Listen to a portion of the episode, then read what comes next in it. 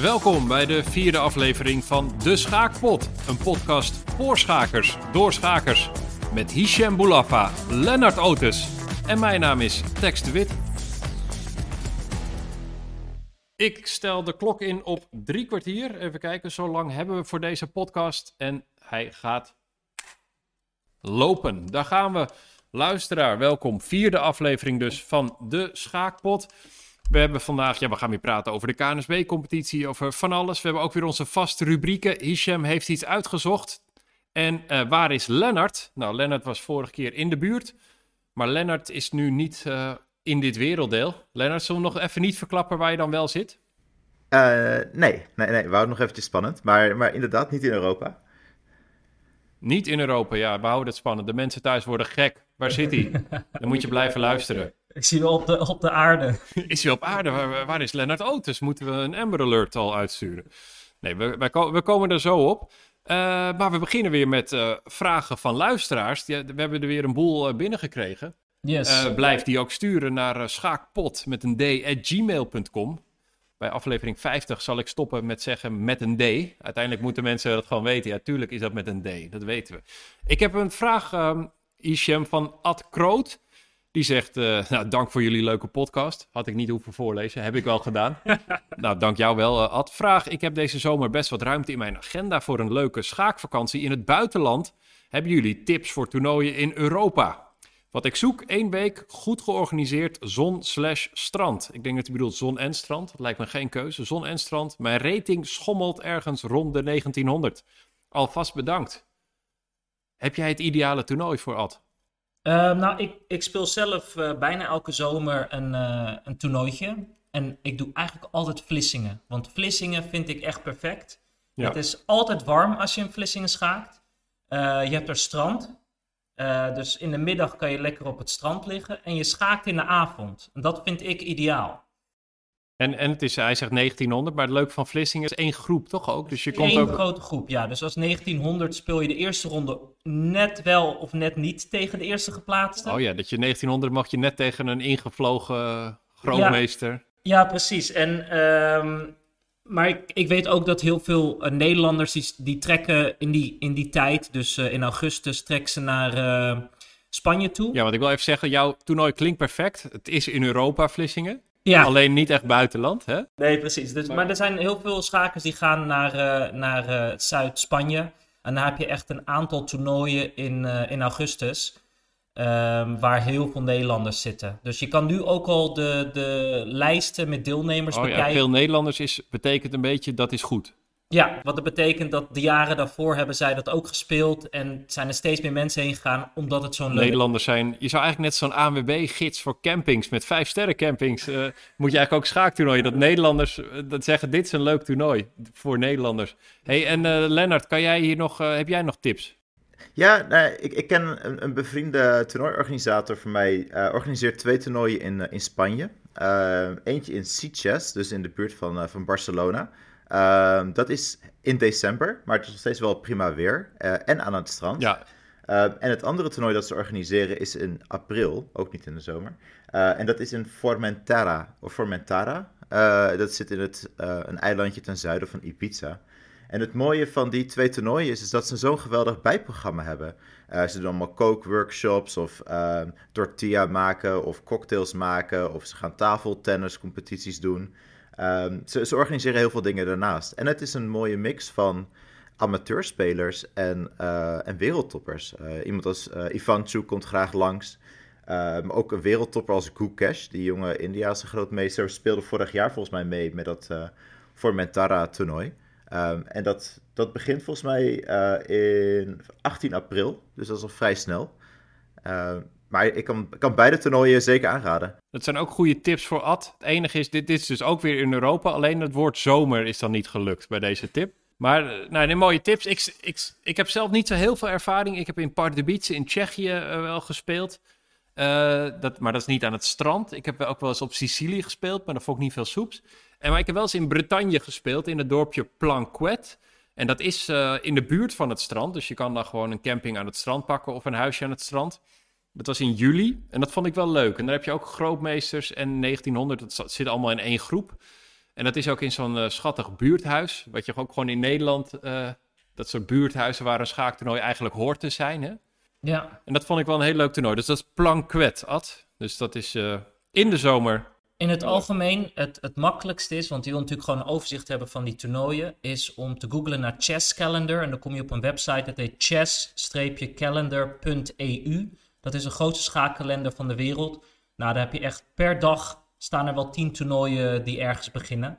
En daar kan je dus rustig zoeken naar die toernooien in bijvoorbeeld uh, Spanje of, of elders. Nou, laat ons even weten wat je hebt geboekt en je ervaringen achteraf. Dan kunnen we misschien zo'n ANWB-gids voor toernooien gaan beginnen. Ja. hey, uh, ik wil met jullie naar uh, de KNSB-competitie. We zitten nu een weekje na de afgelopen ronde. Ronde 7. Ook luisteraars, pak je, pak je laptop er even bij. Gaan we even naar de stand kijken. Nee, het is, ik heb gespeeld, die andere, mijn twee podcastgenoten niet, hè? Ja. Maar laten we even, ik, ik, de meeste klassen, uh, daar speel ik niet in, dat is heel spannend nog steeds. Dat is heel leuk. Je hebt LSG en Apeldoorn, die staan bovenaan. Gevolgd door, nou ja, Kennemer Combinatie en uh, Charlo's Europoort. Maar LSG moet nog tegen Apeldoorn en tegen Kennemer Combinatie. En ons plan, ik kan niet te veel weggeven, maar is om te gaan winnen van LSG.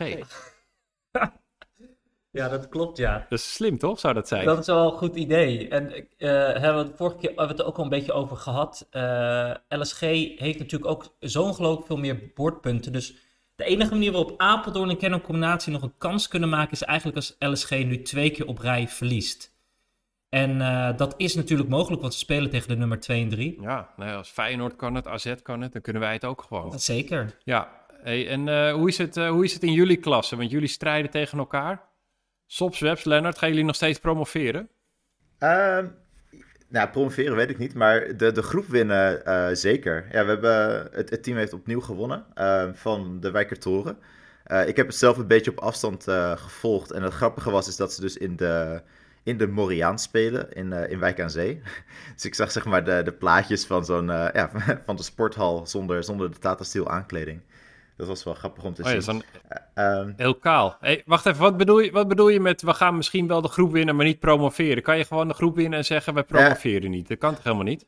Ja, ik, ik, weet het niet. Ik heb het eigenlijk niet met mijn teamgenoten over gehad wat ze gaan, uh, wat ze gaan doen. Of ze, hey, dus als je promoveert, dan heb je die twee extra spelers er straks bij in de eerste klasse. Uh, dus ik, heb geen, echt, ik weet gewoon echt niet wat ze, wat ze willen.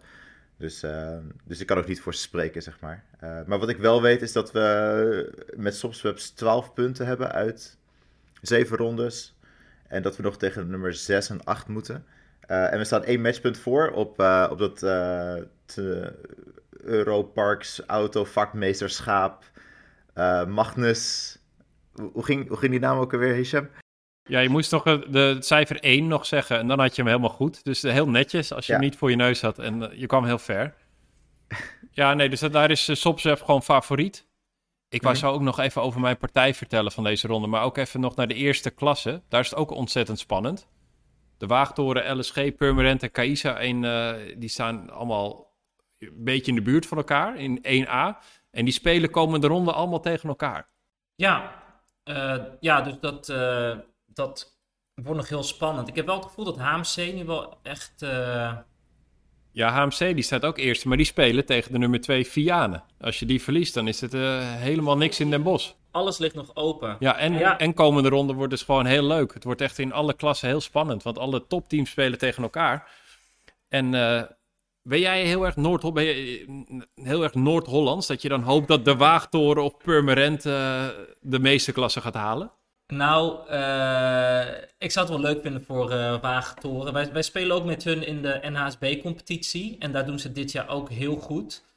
Um, dus dat, dat is wel leuk voor ze. En ze hebben natuurlijk, uh, ze spelen nu echt met betaalde spelers. En het is ook wel leuk als ze, als het een keertje halen, de, de meeste klassen. Wat mij vooral opviel in de eerste klasse, dat was de nummer 9. En passant, in klasse 1A dat is toch wel een beetje verrassend, hè? want die, uh, die hebben degradatie aangevraagd afgelopen jaar. Uh, die waren heel erg aan het twijfelen of ze naar de tweede of de eerste klasse uh, moesten gaan degraderen, omdat ze natuurlijk veel spelers kwijt waren. Uiteindelijk hebben ze eerste klasse gekozen en staan ze nu bijna onderaan. Dus ik ben benieuwd of zij het nog gaan redden. Ze moeten wel even wat puntjes nog gaan pakken de laatste twee rondes. Ja, anders dan vliegen ze eruit. Ja. Samen met Meppel, zie ik. Ja. Hey, ik wil even... Ik heb een vraag voor jullie. Ik speelde afgelopen ronde tegen Zuid-Limburg. Met zwart tegen Ivo Wantola. Mm En uh, nou, dat was op zich... Het was ik, gewoon prima opening. Ja, iets beter voor hem. Maar in het middenspel deed hij het niet helemaal goed. Ik nam het over. Ik, het werd, weet je wel, zo dat je dan denkt... Elke set gaat het net even iets lekkerder. Ja. Ik nam het over. Ik denk, ik zat al bijna op het punt van... Dit kan niet meer misgaan. En het werd toch nog remise. Ja. Ik deed nog een soort verliespoging aan het eind, dus ook wel netjes. Maar het, ik, en ik heb dit vaker, dat ik goed kom te staan en dat ik niet precies weet waarom, maar dan maak ik het niet af. Hebben jullie dat ook wel eens of hebben jullie daar tips voor? Dus het is ook de klassieke vraag, hoe win je een gewonnen stelling of een betere stelling? Maar het gebeurt mij vaker. Herkennen jullie zoiets of niet? Nou, ik herken het wel heel erg bij jou. ja. ik zie dat inderdaad wel vaker, maar ik weet niet, maar misschien ben je gewoon de. Uh, je, bent, je bent sowieso een good guy. Je bent een aardige jongen. Uh, ook, ook in het, uh, zeg maar, buiten het schaakbord. Misschien heb jij meer killer instinct nodig. Misschien moet je gewoon eens even een weekendje gaan jagen. Ergens Zou dat het zijn? Dat ik diep, ja. diep in mijn hart wil ik gewoon een gelijk spel. Ja, jij bent gewoon een lieve jongen en uh, jij wilt die ander geen pijn doen. En Ivo die is ook natuurlijk helemaal afkomen reizen uit, ik weet niet waar vandaan. Ja. Nou, dat uh, gun ik wel. Een, uh, gun ik wel. Nou, dat zijn, want ik moet ook zeggen, ik, ik heb ook oprecht wel eens gehad als ik had verloren, dat ik dacht, wat leuk voor mijn tegenstander. dat, dat is helemaal niet... Dat is niet goed. Dat is helemaal niet goed. Oh, oh. Oh, maar dat is, dus dat is misschien niet per se schaaktechniek, maar dat is gewoon dat je een soort echt, ik wil winnen. Die, die, ja. Ik zie het wel bij teamgenoot. Sommige spelers zie je gewoon, een soort Eline, gewoon mensen die je ziet, die Ja. wil winnen. We kunnen ook gewoon amateurs zijn, weet je wel. Het maakt, niveau maakt niet uit, maar dat je gewoon voelt, die gaat voor de kill. Ja, maar kijk, kijk naar Kasparov, joh. Die, die, Ja. die, poeh, die, die vreet je bijna op. Ja, en 2800 helpt dan ook wel. Maar nee, nee is dat... En ben jij... eh, Lennart, ben jij iemand die... Ben jij een killer? Nee, zeker niet. Uh, ik ben ook gewoon veel te lief hoor, daarvoor. Uh, maar, maar heb je zelf zeg maar, het idee dat je ook een beetje verslapt in je concentratie? Als je dus zeg maar, het gevoel hebt dat je moreel gewonnen hebt al, omdat je al beter staat? Ja, nou, nou vers- verslappen weet ik niet. Er spelen wel dingen mee. Want ik, ik zit nu in zo'n seizoen van de avondshow, het programma op NPO 1. En dat is gewoon heel intensief. Dus ik, en, dat lijkt een beetje op schaken voor mij. Dus ik ben de hele dag heel hard aan het denken en aan het typen en zo. Ook het is fantastisch werk, maar wel veel met het kopie bezig. Ik sta geen muren te schilderen of zo. En dan vind ik eigenlijk schaken qua denkactiviteit daar heel erg op lijken. Dus dan heb ik al de hele week gedacht. En dan ga ik schaken en dan was ik wel moe. Dus ik merkte wel dat ik een beetje nerveus werd. En ik haalde 40ste zet, maar net. En toen ging ik even relaxen. Even naar de wc, even drinken pakken. En toen kwam, ging ik zitten. En toen zet 41, dat is ook een klassiek verhaal. was een beetje een blunder. Dus ik, dus ik denk ook dat ik, dat ik inderdaad wel tij- eh, gewoon te moe word tijdens de partij. Dus misschien ook fysieke conditie. Hmm. Ik weet dus niet of het echt komt doordat ik niet wil winnen. Ja. Maar het is wel iets om mee bezig te zijn. Ben jij dan wel, Hisham? Maak jij, als jij je prooi eenmaal vast hebt, laat je niet meer los? Nee, ik ben, nou ja, vroeger. Vroeger. Ik, eh, het, kijk, die, het winnen van een schaakpartij, dat boeit mij niet meer zoveel als vroeger. Weet je, als je echt gewoon sterker wil worden en je wilt een hogere rating en, en je, je leert te hard voor, je leest boeken en zo, ja, dan ben je echt veel meer een killer. Maar ja, dat hebben wij denk ik alle drie niet echt. Maar dan wordt dit, dan wordt dit vanaf nu officieel een oude lullen podcast. Ja, nou ja, Laten we een keer iemand uitnodigen die wel partijen wil winnen nog. Wij, wij schaken toch gewoon. Kijk, ik schaak bijvoorbeeld eh, meer om de dingen eromheen. Hè, dus eh, ik vind het heel leuk als we na het schaken met z'n allen gaan eten. Als we misschien daarna nog gaan stappen. Dat vind ik heel leuk. Maar eh, het schaakpotje zelf, of ik win of verlies, dat be- beïnvloedt niet echt ook meer mijn, mijn eh, ja, eh, hoe ik me voel. Nee, echt. Dat heb ik, dat heb ik totaal, dat heb ik wel. Dus ik, dat vind ik, dat is dan misschien gek bij mij, maar ik heb wel, ik zit wel echt anders te eten als ik heb gewonnen. Dus Ja, dan ik als heb ik, dat dus niet. Maar wel als mijn team. Als, het als bijvoorbeeld de afgelopen keer. eh, ik was er niet bij, maar ik krijg dan wel van afstand krijg ik mee. KC 1, 2 en 3 winnen. Ja, dat vind ik geweldig. Ja. En als ze alle drie hadden verloren, dan had ik waarschijnlijk geen leuke avond gehad. Maar mijn eigen partij, dat, dat maakt me ook vind je minder... eh, nou, ik vind het wel knap. Want ik, bijvoorbeeld mijn partij, ik was echt wel gesloopt. Het was vijf uur lang, weet je wel. Echt dan, Mhm. hij zei ook, wil je analyseren na afloop nog? En ik, ik zei bijna huilend van, ik ben te moe. Ja, ik wil niet meer. Dus ik, dus ik bedoel, je hebt zo'n grote investering. Dat, dat, daarom hou ik ook echt van snel schakelen. Dat je gewoon bam, voorbij, volgende. Ja. Zo'n lange partij is gewoon een emotionele investering ook Ja. die je erin doet. zeker. Dus daarom heeft het wel.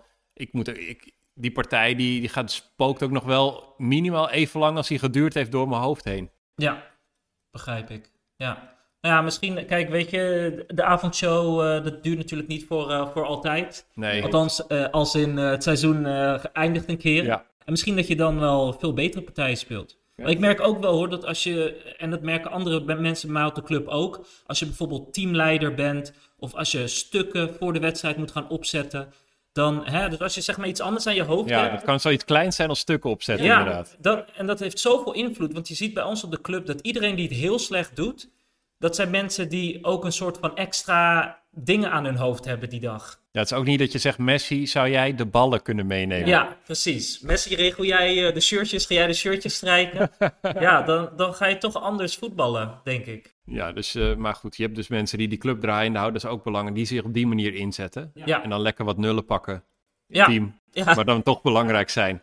ja. Kom ik zo nog op als ik misschien mag vertellen over het KNSB bekeravontuur waarvan ik de captain ben. Mag jij straks wel over vertellen? Ja. Maar ik heb dus, eh, kijk, ik ben van ons drie denk ik ook degene die het meeste rating heeft verloren de laatste tijd. Ik ben dus deze zomer, ben ik meer dan 100 punten volgens mij gedaald. In één zomer. Zo, Ik stond gewoon, dat was leuk in Vlissing, of niet?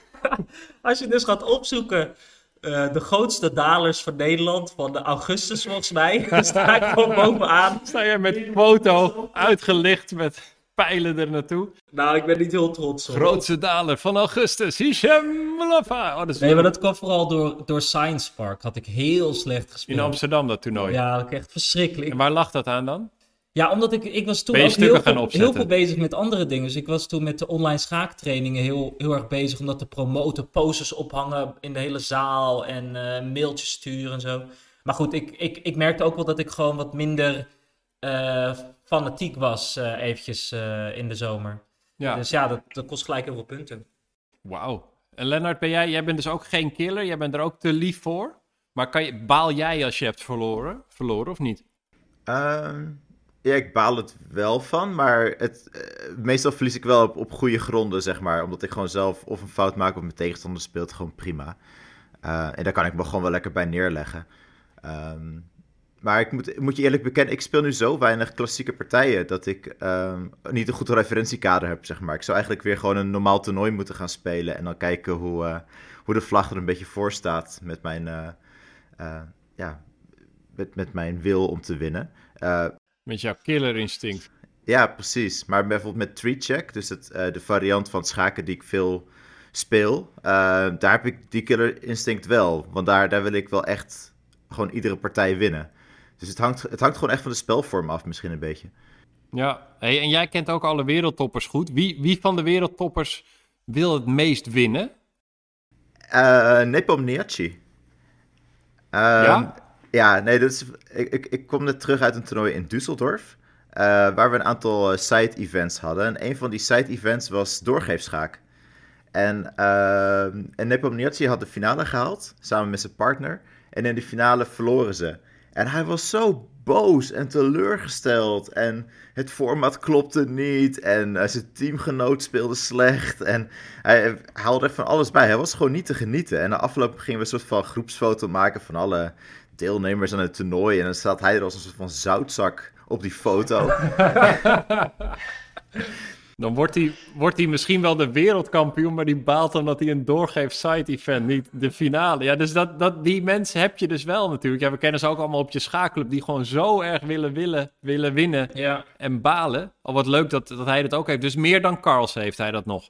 Ja, nee, zeker. Bij, bij Carlsen zie je juist het tegenovergestelde nu. Die was dus echt jarenlang hetzelfde als, eh, als Jan. Echt enorm eh, niet te genieten naar een partij. Als hij verloren heeft of gelijk heeft gespeeld. Maar ik zie dat langzaam maar zeker een beetje verschuiven. Dat hij iets meer tegen zijn verlies kan. En dat is eigenlijk een heel erg zorgelijk iets voor een sportman. Ja, Dus eh, ja, dat, dat is jammer ja dat voor, is voor fout. Magnus. boel. Dat is foute boel. En is er, hoe zit het met onze Nederlandse toppers? Is een Anish Giri of zo, is die, uh, baalt die heel erg als hij verliest, meer dan anderen? Um, ik denk het wel, maar hij laat het minder merken. Dus ik denk dat hij gewoon verdwijnt, zeg maar. Uh, maar je merkt wel, zeg maar, als hij er heel relaxed in zit, zit hij met iedereen grapjes te maken en te grappen en zo. En dat uh, is volgens mij wat minder als hij, uh, als hij net een slecht resultaat heeft of zoiets. Maar, maar, je, maar je merkt het minder. Bij, bij Nepo of bij, vroeger bij Carlsen, je merkt het gewoon dat de hele, de hele atmosfeer in de kamer, die verzuurt gewoon als, als, als zij dan binnenkomen met een slechte humeur. Ja. Hey, ja, leuk dat jullie het vragen. De KNSB-beker inderdaad. Heb je gespeeld, Tex? Ja. Goed, ik ben teamcaptain van het, van het uh, Kaas Kennemer Combinatie Bekerteam. Ja. Wij zitten in Pool B en wij moesten om uh, de laatste ronde of zo van Pool B te halen. We mogen nu tegen Paul Keres. We moesten tegen de Amsterdam Berserkers. Het was een spannende wedstrijd. Ik had mezelf ja, opgesteld. en we hebben 3-1 gewonnen. Nou, dat was het. Wie heeft verloren ook? Wie heeft verloren? Ja, dat, dat, ja, wie heeft verloren? Ik vind het echt heel belangrijk om te benadrukken dat je zoiets als team doet. en dat individuele resultaten, die, die, die doen er ook minder toe. En, en wie er dan verloren heeft, of, dat, uh, of ik dat ben geweest. Nou ja, kijk, jij hebt verloren, maar jij hebt wel een hele belangrijke bijdrage geleverd. Vier mensen regelen. Uh, nee, nee, dat niet alleen. Uh, maar um, op een gegeven moment stond jij goed tot gewonnen. Ja, ik stond na gewonnen, weet ik niet. Ik stond wel ietsje, eventjes heb ik ietsje beter gestaan. Precies. En op de andere twee borden, uh, dus bij Nijboer uh, tegen... Tegen Ilias van der Lende. Ja, Nijboer tegen Ilias. Daar stond Nijboer ja. al gewonnen. En uh, Gooi, die ja. had al gewonnen van Bas Haver. En ik heb later gehoord van Miekwel, die bij de Bezurken speelt... dat hij op een gegeven moment dacht van ja, tekst staat ook nog eens goed ik moet ja. wel winnen. Oh, en daarom is hij all in gegaan. Ja, want als jij al had verloren wow. bijvoorbeeld. Ja. dus Miekwel is al ingegaan, terwijl hij een prima stelling had. Ja. Hij moest het forceren en heeft daarna, daardoor uiteindelijk nog verloren. Dus, dus het, het knappe van mij is, ik heb de 60 zetten op oké okay gestaan. En ja. ik gaf op set 61 mijn toren weg in de remise stand. Ja. Dus eigenlijk is dat veel beter dan dat ik al 40 zetten verloren stond. Dit was eigenlijk... Ja, dus jij hebt wel invloed gehad op de uitslag. Nou, zie je luisteraars... Ik hier nog een beetje goed gevoel. Nou, dit geeft me echt een heel goed gevoel. ik bedoel, ik gaf dan wel mijn toren weg om drie over twaalf s'nachts in een soort kantoor in Amsterdam. Maar dat is het waard geweest. Nee, ja, en het team heeft gewonnen. Dus nu moeten wij tegen Paul Keres.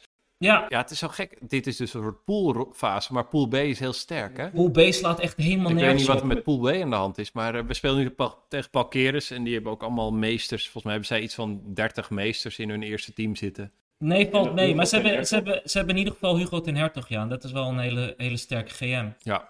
Um, ja, maar dit is deze hele pool. Uh, hè, als je gaat kijken naar deze pool, er zitten er vier teams in die, uh, die, die gewoon de finale hadden kunnen bereiken. Dus bijvoorbeeld ook Bloemendaal speelt gewoon met uh, Luc van Wely, Quinten Ducarmon, David Klein. Ze gewoon drie grootmeesters. Ja. Dus het was ook wel pech hoor, want het zijn teams die wat lager spelen, maar die wel heel sterk zijn. Die, die allemaal, ster allemaal sterk opkwamen. Gegooid. Ja, nee, het is ook wel leuk. Dus nu tegen Parkeres. En als je die wint, dan ga je geloof ik naar die landelijke finale. Ja. Dus daar gaan we voor. Maar ik had nu wel dat ik dan verloor en mijn team had gewonnen. Dat, dat is ook inderdaad zo'n rare mix altijd. Hè? Dat je, mm -hmm het moment dat ik mijn toren weggaf, waren we eigenlijk door naar de volgende ronde. Ja. Toen won bord 2 meteen.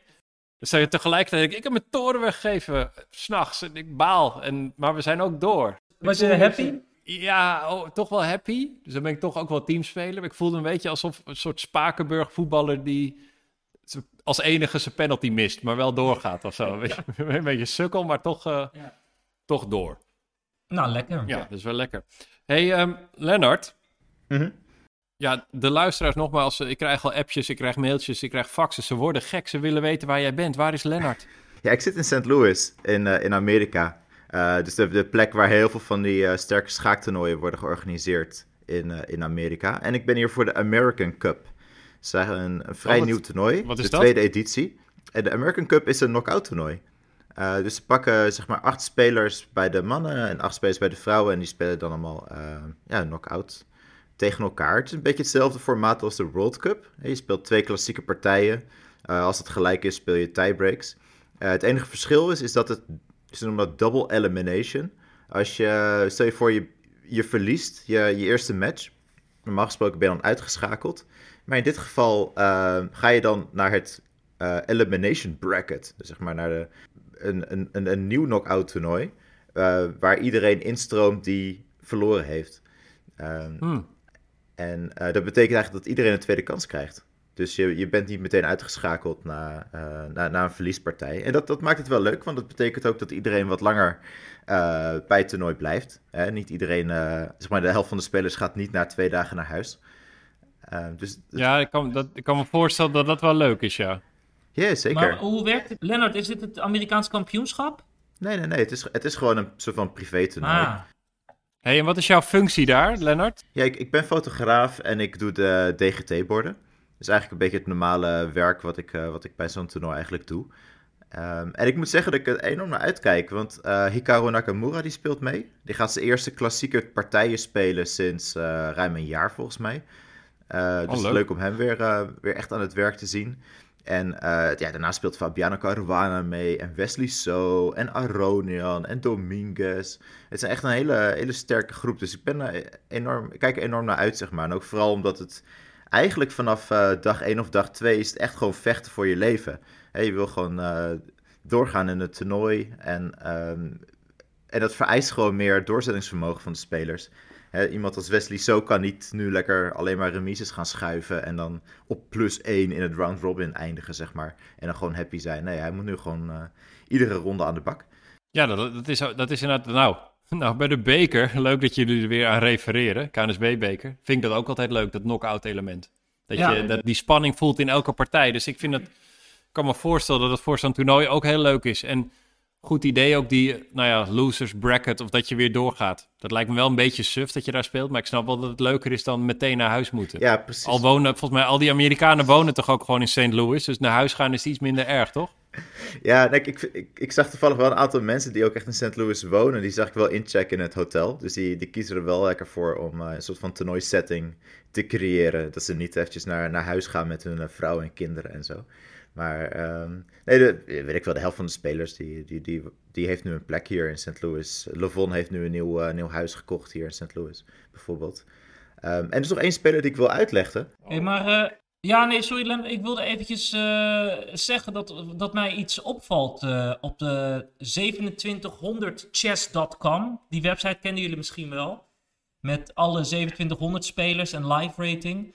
Het valt me op dat er ongelooflijk veel Amerikanen opeens op staan. Ik zie acht Amerikanen. Dus ik zie uh, Ray Robson heeft opeens 2700. Nieman, Shankland, uh, Dominguez, Aronian, So, Garuana, Nakamura. Dat is best wel veel. Heb je Nieman al genoemd? Ja, Nieman heb ik ook genoemd. Er zijn 8 van de 39 mensen met 2700 in de wereld, die zijn nu Amerikaans. Dat is denk ik nog nooit eerder gebeurd. Ja, kun je nagaan, in de, als je gewoon kijkt naar de top 50, uh, eh, dus zeg maar zelfs het groepje net onder 2700, heb je nog uh, Jeffrey Jong en Sam, Sevi Sam Sevian. Die ook op weet ik veel, op 26, 87 zit. Dus het is echt een enorm sterke groep. Ja, je bent in het schakelwalhalla van de wereld. hey Lennart, vraag je als jij... Je wou zo iemand uitlichten, maar nog één vraag is. Want als jij... Dus die, jij ziet die wereldtoppers de hele tijd. Maar als zij jou dan zien, is het dan ook, ben je dan one of the, one of the guys en girls? Of high five ze jou? Maken ze inside jokes met jou? Hoe werkt dat? Ja, ja, ja. op zich wel. Ik bedoel, iedereen begroet elkaar. Uh, ik had uh, op de eerste dag had ik al Uh, even wat gegeten met Fabiano en wat andere uh, spelers. Uh, dus ja, iedereen, je kent elkaar natuurlijk. En ehm, je vraagt van, hey, hoe, hoe, was jouw vorige toernooi? En ja, je deelt gewoon nieuwtjes uit de schaakwereld. Um, en het is nu ook een beetje pijnlijk natuurlijk wat, wat de laatste tijd allemaal gebeurd is in, in St. Louis en met, met ja. de medewerker van de club. dus ook daar gaat het heel veel over, helaas. Uh, ja, nee, dat maar, snap ja, nee, we, we, kennen elkaar zeker, ja. hey, wie wilde je uitlichten? Ja, bij het vrouwentoernooi. Uh, Alice Lee. Een meisje van 13 volgens mij. Uh, met een rating van 23,50 ongeveer. Ze speelt bijna non-stop. Ik weet niet of ze, hoe vaak ze nog naar school gaat of zo, maar ze, ze speelt heel veel. En ze gaat echt uh, met rassenschreden vooruit. Uh, eigenlijk een beetje de Eline van, van Amerika, maar dan nog een paar jaar jonger eigenlijk. En gisteren speelden ze zo'n online toernooi. de Pro Chess League. Is een teamkampioenschap. online op chess.com. En daar, daar won ze van Daniel Deak. Een Roemeense grootmeester die ook in de buurt van 2700 zit. Ehm, en dat is echt gewoon super knap. Dat ze, dat ze al van zulke spelers kan, kan winnen. Ja, en die, dus daar verwacht jij veel van? Ja, absoluut. En uh, zij, uh, het mooie is dat zij, zij is ook verbonden bij een, een schaakwebsite, dat heet chesskit.com. Het is eigenlijk gewoon een soort van schaak, hoe zeg je het, de kinderwebsite van chess.com. Dus heel veel materiaal is speciaal voor kinderen gemaakt, zodat ze ook in een veilige omgeving kunnen schaken en zo. En zij is daar een soort van uithangbord van. Dus zij heeft heel veel videomateriaal opgenomen en ze heeft volgens mij een soort van weekly videoshow bij, bij chesskit.com. En wat mij dus opvalt voor iemand van 13 is ze zo wel bespraakt. Hmm. Ehm, want bij de spelersinterviews was een soort van vraag van... Uh, goh, ken je de Opera Game van Morphy? Dus, uh, ja. een, van, een van die bekende offerpartijen van, van Morphy. En uh, de vraag was van waarom is hij zo speciaal in de, in de schaakgeschiedenis? En van de 16 spelers die helemaal langskwamen, ja, wist driekwart ongeveer wat die partij was. Dus een kwart niet. Um, en vervolgens wisten ze ook niet echt van waarom het zo goed was. Of de helft kon het niet goed uitleggen. Maar de uitleg van Alice Lee, die, die, die vond ik zo, zo mooi of goed, uh, ja, wel gearticuleerd. En uh, ze gebruikt haar handen om, om dingen uit te leggen. Ik, ik was echt enorm verbaasd, zeg maar, van hoe, wat voor social skills of zo ze eigenlijk al heeft. Of hoe wel bespraakt ze is op die leeftijd. Dus wat je allemaal wel niet kan bereiken als je even wat minder naar school gaat. Eigen, eigen sponsordeal met een website. En uh, wauw, wat, nou wat gaaf zeg. hey, uh, ik, ja, ik hoop dat we wat mooie foto's gaan zien en wat mooie knock-out actie. Succes daar. Ja, zeker. Thanks hey, ik wil... Uh, blijf aan de lijn, blijf aan de lijn. Je luistert nog steeds naar de schaakpot. Ik wil eigenlijk naar Hisham heeft iets uitgezocht. Want Hisham, jij hebt iets uitgezocht over een bepaalde club. Ja, um, nou wat het net hadden we het al over uh, de Amsterdam Berserkers. Ja. Hè? En uh, wat heel erg opvalt bij de Amsterdam Berserkers, die spelen nu derde klasse, maar dat zij elk jaar aan het promoveren zijn. Want eigenlijk zijn ze veel te sterk voor de klasse waar ze in spelen. En um, toen ging ik zoeken van, is dat eerder gebeurd? Zijn er misschien verhalen van vroeger? En er zijn best wel veel clubs die dat hebben gedaan. Maar eentje, dat is echt een club die staat er echt, uh, die staat erom bekend, die zijn echt berucht.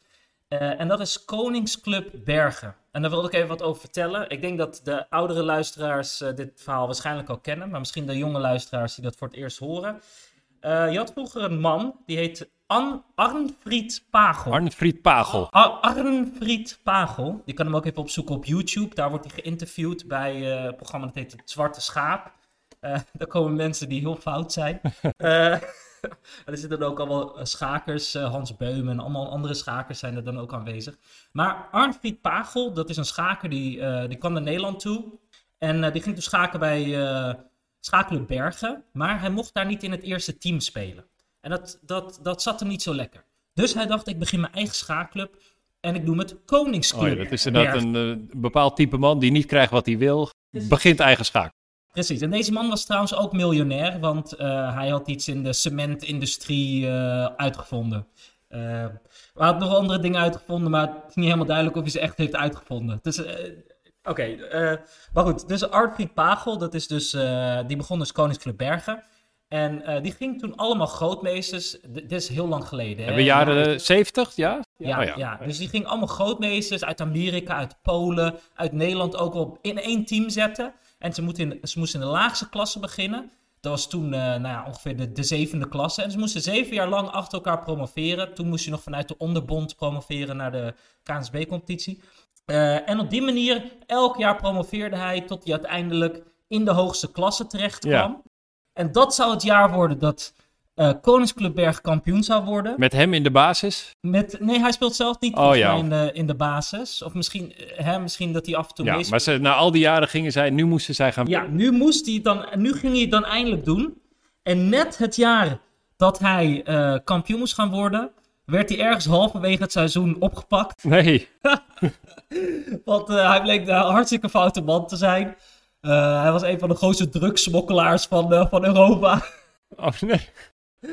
En, uh, nou goed, maar er zijn, er zijn in die periode zoveel dingen. Je kan heel veel leuke verhalen over hem lezen. En eentje wilde ik specifiek benoemen.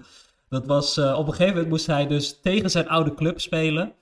Dat was een schaakclub Bergen. Oh, Bergen tegen Koningsclub ja, Bergen. precies. En hij moest een zaal met 8-0 winnen. En dit is de tijd dat ook partijen werden afgebroken. Ja. Dus dan ging je gewoon aan het eind van de dag, jongens, de partij is nog niet voorbij. We spelen hem een- volgende week bijvoorbeeld Oh, wat verder. irritant. Dan moest je dus gewoon weer meeten met je Precies, tegenstander. maar Ja, het ding was dus dat, dat eh, hij eh, had dus buitenlandse grootmeesters. En eentje ervan vloog bijvoorbeeld terug naar Amerika de volgende dag. Ja. En precies die partij werd afgebroken. En het stond op dat moment 7-0. Dus eh, nou, wat Arnfried ook vaak deed, was proberen zijn tegenstander om te kopen. Dus dan ging je echt gewoon... Arnfried kwam gewoon met, met zakken vol met briefjes van 1000 gulden. Kwam hij naar een schaakwedstrijd toe, hè. Om Ja. mensen om te kopen, maar ook om zijn spelers te betalen. Om achteraf het drinken en het eten te betalen. En wat hij ook voor zijn spelers deed, was vrouwen inhuren. Dat deed hij Nee, ook. echt? Ja, echt waar. Ja, dus eh, wat ik zeg, je moet even op YouTube kijken naar het, naar het interview. Dan zie je ook dat die schakers, dat die... Hè, de Maar dus, er stond, wacht, er stond 7-0 en er was een 7-0. partij afgebroken of iets. partij werd afgebroken en hij ging dus naar de tegenpartij toe van... eh, hè, hier is duizend gulden als je, als je gewoon opgeeft. Want hij stond wel verloren, die tegenstander. Ja, Maar die tegenstander dacht, eh, ja, ik ga dat niet opgeven. ook niet voor 1000 gulden. Ook nou, oké, 1000 respect. Respect inderdaad. Nou, toen heeft uiteindelijk die tegenstander nog gezegd van... Oké, weet je wat? Als we remise doen, dan vind ik het prima. Maar ja, dat wilde Arnfried niet. Arnfried dacht, nee, nee. We gaan gewoon 8-0 winnen. En toen heeft hij dus uiteindelijk een week later die, die Amerikaan teruggevlogen. Nee. Voor 5000 gulden in totaal kostte dit hele grapje. Alleen maar omdat hij per se... Om even in Bergen ergens een, een eindspel af te tikken. Ja, ja, dus het is echt. eh, en, en ja, op een gegeven moment hadden dus mensen hadden dat door dat Arnfried je ging omkopen als je te lang doorspeelde. Want ja, die grootmeesters moesten terug. Dus op een gegeven moment ging iedereen in de onderbond ging extra lang Niet spelen. opgeven en afbreken. Ja, want dan dacht je, ja, dan krijg je gewoon 1000 euro voor een middagje schaken. Ja, dus er, daar- er zijn zoveel verhalen over die man. eh, een, he- een hele bijzondere man. Het lijkt me ook apart als je dan zo'n grootmeester bent. Je voelt aan alles, dit is best raar. Ik zit, Ja. Je zei, hij gebruikt ook al grootmeesters in de onderbond en zo. Hij gebruikt de grootmeesters in de onderbond. Je Ja. moet ook zeggen van, ja, ik ga maar gewoon... Ik, ik ben ingehuurd en ik, ga, ik krijg vrouwen. Nou ja, je vraagt, je- ik, ik voel me dus ook al van hoe, hoe hebben die schakers dat beleefd die in het team zaten. Ja. Maar in, op die, in de YouTube-video, hè, dus van eh, dat interview met het eh, Zwarte Schaap, het programma, eh, daar zit dus ook Rob Hartog. Mhm. Die is helaas inmiddels overleden. Maar die vertelt, het was de beste tijd van mijn leven, joh. De beste tijd van mijn leven, joh. Alles gratis en eh, lekker feesten met die vrouwen. En Dus die baalde ook wel dat die man is opgepakt misschien, toch? hij zei dat, eh, hè, want er zaten dus heel veel mensen daar in het publiek, die allemaal wat tegen Arnfried hadden, van nou, hij heeft me opgelicht. Hij heeft me Oh, dit, ja, ja. ja. Dus zo werkt het programma, dat je in het publiek heb je dan de mensen die die persoon heel erg haten en dan, eh, die mogen dan af en toe wat zeggen. Eh, en, en de, maar er zat dus ook Rob Hartog, die vond het helemaal geweldig. En die zat gewoon te zeggen, dit is een ja, mooie... maar alle andere mensen daar in het publiek zeiden, ja, het is echt een, eh, een verschrikkelijke man. Ja, maar dat bedoel ik, dat moet toch ook zo Rob Hart, dat moet, moet je toch ook gevoeld hebben van hier zijn dingen niet helemaal oké. Of, je, Ja. of je denkt gewoon, dit is een man on a mission. Nee, maar mensen wisten dat hij je omkocht en zo. Hè? Dus Ja. hij heeft ook bijvoorbeeld een keertje Hans Beum. Die, die wilde hij heel graag in het team hebben. Hans zei, nee, dat wil ik niet, want die speelde bij Rotterdam. En toen eh, heeft, is hij naar de vriendin van Hans gegaan. Heeft hij gezegd, als jij ervoor zorgt dat Hans bij ons komt spelen, krijg je van mij 500 euro per wedstrijd. Geef ik jou gewoon, als jij ervoor zorgt dat Hans voor ons komt spelen. Nee, maar dit was gewoon bekend bij iedereen, dat hij dus gewoon Ja. eh, spelers op... Volgens mij is dit, dit is nou ook wel zo'n verhaal. Jij zegt jaren 70, we bestonden allemaal nog niet. Maar dat, dat in deze tijd met internet en social media zou een, kwart- een kwartier duren of zo. En dan was dit afgelopen. Jeetje, en wat, hoe heb je dit allemaal, hoe weet je dit allemaal? Heb gewoon oude ver- filmpjes gekeken, verslagen, gelezen? Inter- internet. Internet. Leuk man. ja. Ik wist dit echt niet. Ko- Koningsclub Berg. Koningsclub Staat die club of is die club ook gewoon weg nu? Nee, dus eh, nadat hij is opgepakt, hij volgens mij eh, heeft hij een paar jaar in de gevangenis gezeten. Toen is ook gelijk de club gestopt, want het geld stopte ook. Ja. Hè, eh, dus ja, helaas voor hem. Wauw. Koningsclub Bergen, leuk idee. Allemaal briefjes geld. Ook, eh, Ik zeg trouwens hierbij niet dat dit bij de Amsterdam Berserkers gebeurt hoor. Want Oh ja, want zo begon je dit. ja, dat zo begon ik het verhaal. Nee, maar zij zijn gewoon, dat is gewoon een groepje vrienden die allemaal gaten spelen. Dus ook, ze hebben ook bijvoorbeeld sterkschakers zoals Miek wel. Die spelen gewoon allemaal eh, gratis. En omdat ze gewoon vrienden zijn, zitten ze bij elkaar in het team. Ik wou zeggen, ik heb net voor de beker tegen ze gezien, maar ik heb geen geld, ik heb geen vrouw. Er stond een eh, koffiezetapparaat en een, eh, en een glas water kon je daar krijgen. Hé, hey, wat leuk. Nou, hey, ehm, even kijken even naar de klok. We hebben nog maar vijf minuten. Jeetje. Jeetje, tijdnood. Ja, dit Ja. is in partijen word ik dus nu een beetje nerveus, altijd. Maar, ehm hey, Lennart, Geen toren weggeven. geen toren weggeven. Nou, dat gaat pas in de laatste minuut, geef ik alsnog mijn toren weg. Hey, als we even vooruitblikken, we hadden het al over de volgende KNSB-ronde, die, die komt eraan. Dat is over een paar weken. Daarnaast doen wij ook weer verslag van de, de bloederige ronde 8. Hè, want alle topteams spe- spelen tegen elkaar. Mhm. Lennart, wat, wat staat er voor jou op het programma komende weken? Ja, Je, ga, je bent dus nu in St. Louis, wat ga je daarna doen? ja ik, ik ben eigenlijk hartstikke druk momenteel. Dus niet echt zozeer met, met het toernooi hier in St. Louis, maar met de voorbereiding voor het wereldkampioenschap. Dat straks in eh, Astana, Kazachstan plaatsvindt. Dus dat is de match tussen eh Deng Leren en Jan Nepomniachtchi.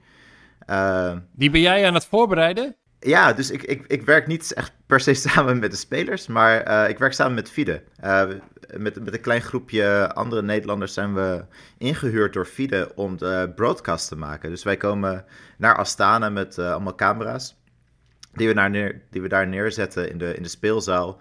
Eh, die camerabeelden sturen wij naar alle uitzendrechthouders in China en Rusland, maar volgens mij ook chess.com of chess24. Iedereen die ervoor heeft betaald, eh, daar sturen wij de camerabeelden naartoe. En eh we maken ook de live show voor FIDE, dus zeg maar het, het, het live commentaar van, op het kanaal van FIDE zelf. Eh, En heb jij er dan iets over te zeggen? Heb jij er iets over te zeggen wie je dan inhuurt als commentator? Want Hisham en ik kunnen. Ja, helaas niet. maar je kunt gewoon lekker mee hoor. Dus wel, eh, gaan we gewoon lekker daar die podcast opnemen. Maar ehm, eh, nee, dus ik, ben nu wel bij heel veel dingen eigenlijk betrokken. Maar bij andere dingen worden ook weer deels voor ons afgeschermd, zeg maar. Dus eh, de commentatoren waren al besloten voordat wij officieel in de picture waren. Ehm, en dat zal Fide binnenkort wel een keertje aankondigen, denk ik, wie de, wie de commentatoren zijn. Maar wel, eh, we zitten wel gewoon bezig met van hoe, wat is de layout van de, van de speelzaal, waar, waar worden de camera's neergezet. Ehm, en we kijken eigenlijk gewoon mee met heel veel logistieke dingen van, eh, van zo'n WK-match.